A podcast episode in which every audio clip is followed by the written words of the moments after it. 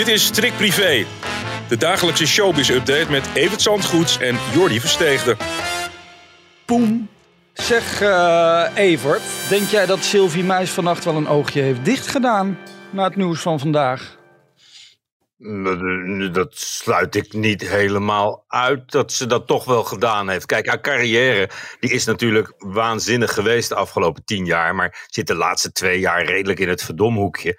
En dan is het wachten inderdaad op, uh, want daar doe je op, op een opvolgster die zich ineens op een onverwacht moment aandient. Ja, en dat is dus Anneke Molenaar. Hè? Nou, het kan snel gaan. Hè? Je bent uh, de vriendin van een nieuwe voetballer van Bayern München. En ineens word je als de nieuwe Sylvie aangewezen. Of moet je daar. Ja, even... maar zo is het destijds met Sylvie ook gegaan. Ik weet nog dat er ooit een, een, een catalogus van een uh, postorderbedrijf uh, verscheen. Waar zij het voornaamste model van geworden was.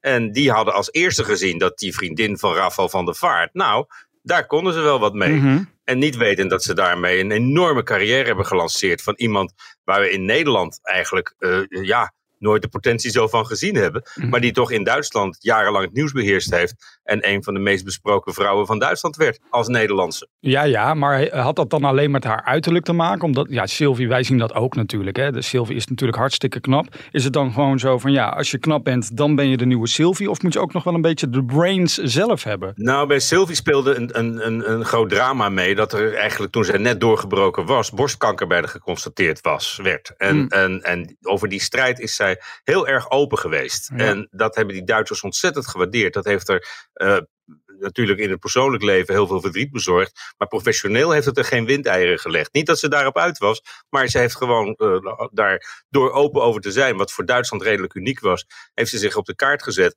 En dat heeft er later, uh, zoals gezegd, geen windeieren gelegd. Omdat ja, eigenlijk iedereen met haar in zee wilde. En je ziet nog steeds advertenties in Duitse bladen voor hair extensions, voor tandenborstels, voor ik weet niet allemaal wat mensen nodig hebben om er een beetje uit te zien als Sylvie Meis. Ja. En dat heeft ze handig gedaan. Ik ken Sylvie nog van vroeger, toen ik uh, net begon met tv kijken, uh, stond ze flippo's uh, aan te prijzen.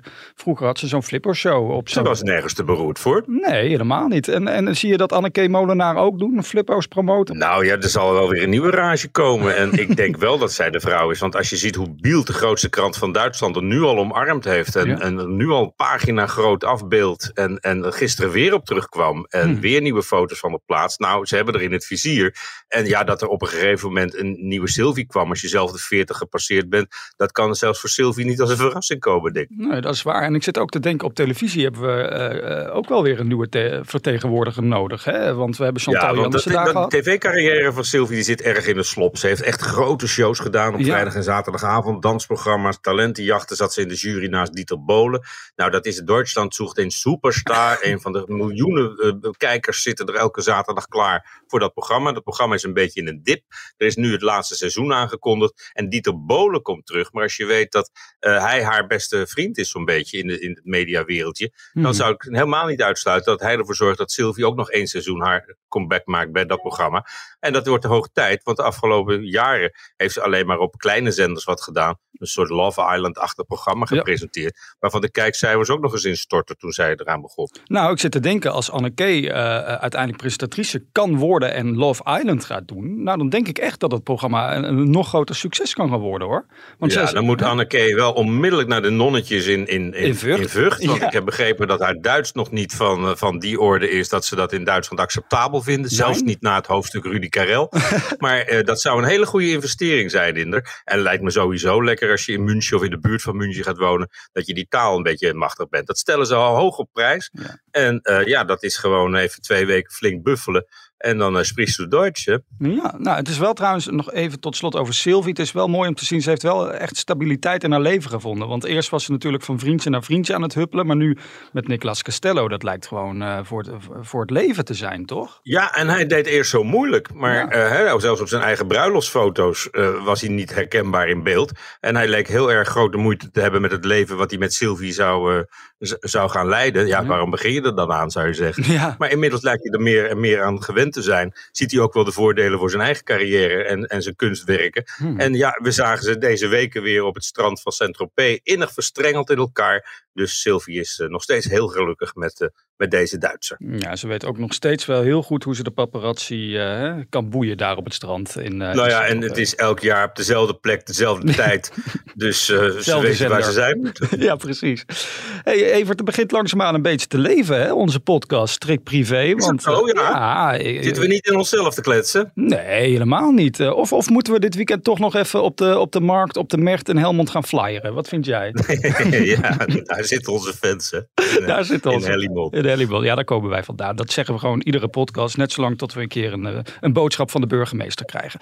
Zeg, het is bijna weekend en uh, Mart Hoogkamer die mag dus dit weekend weer aan de bak. Vijf optredens heeft hij staan. Vijf. Ja, twee op elke avond en dan nog één op zondag, geloof ik. Ja. En het is maar goed dat zijn, uh, zijn kleine handicap die hij de afgelopen weken had en die je met beletten te zingen, weer voorbij lijkt te zijn. Het wordt een spannende week voor hem, want nu weet hij of zijn of zijn longen en zijn, uh, alles wat hij mankeerde het inmiddels weer doen. En het lijkt mij nogal intens, vijf van die optredens van, van drie kwartier. Ja, nogal, want hij had echt alle, ik heb zijn manager gesproken, echt alle holtes die hij heeft, van boven tot aan beneden in zijn lichaam, die waren ontstoken de afgelopen vijf dagen.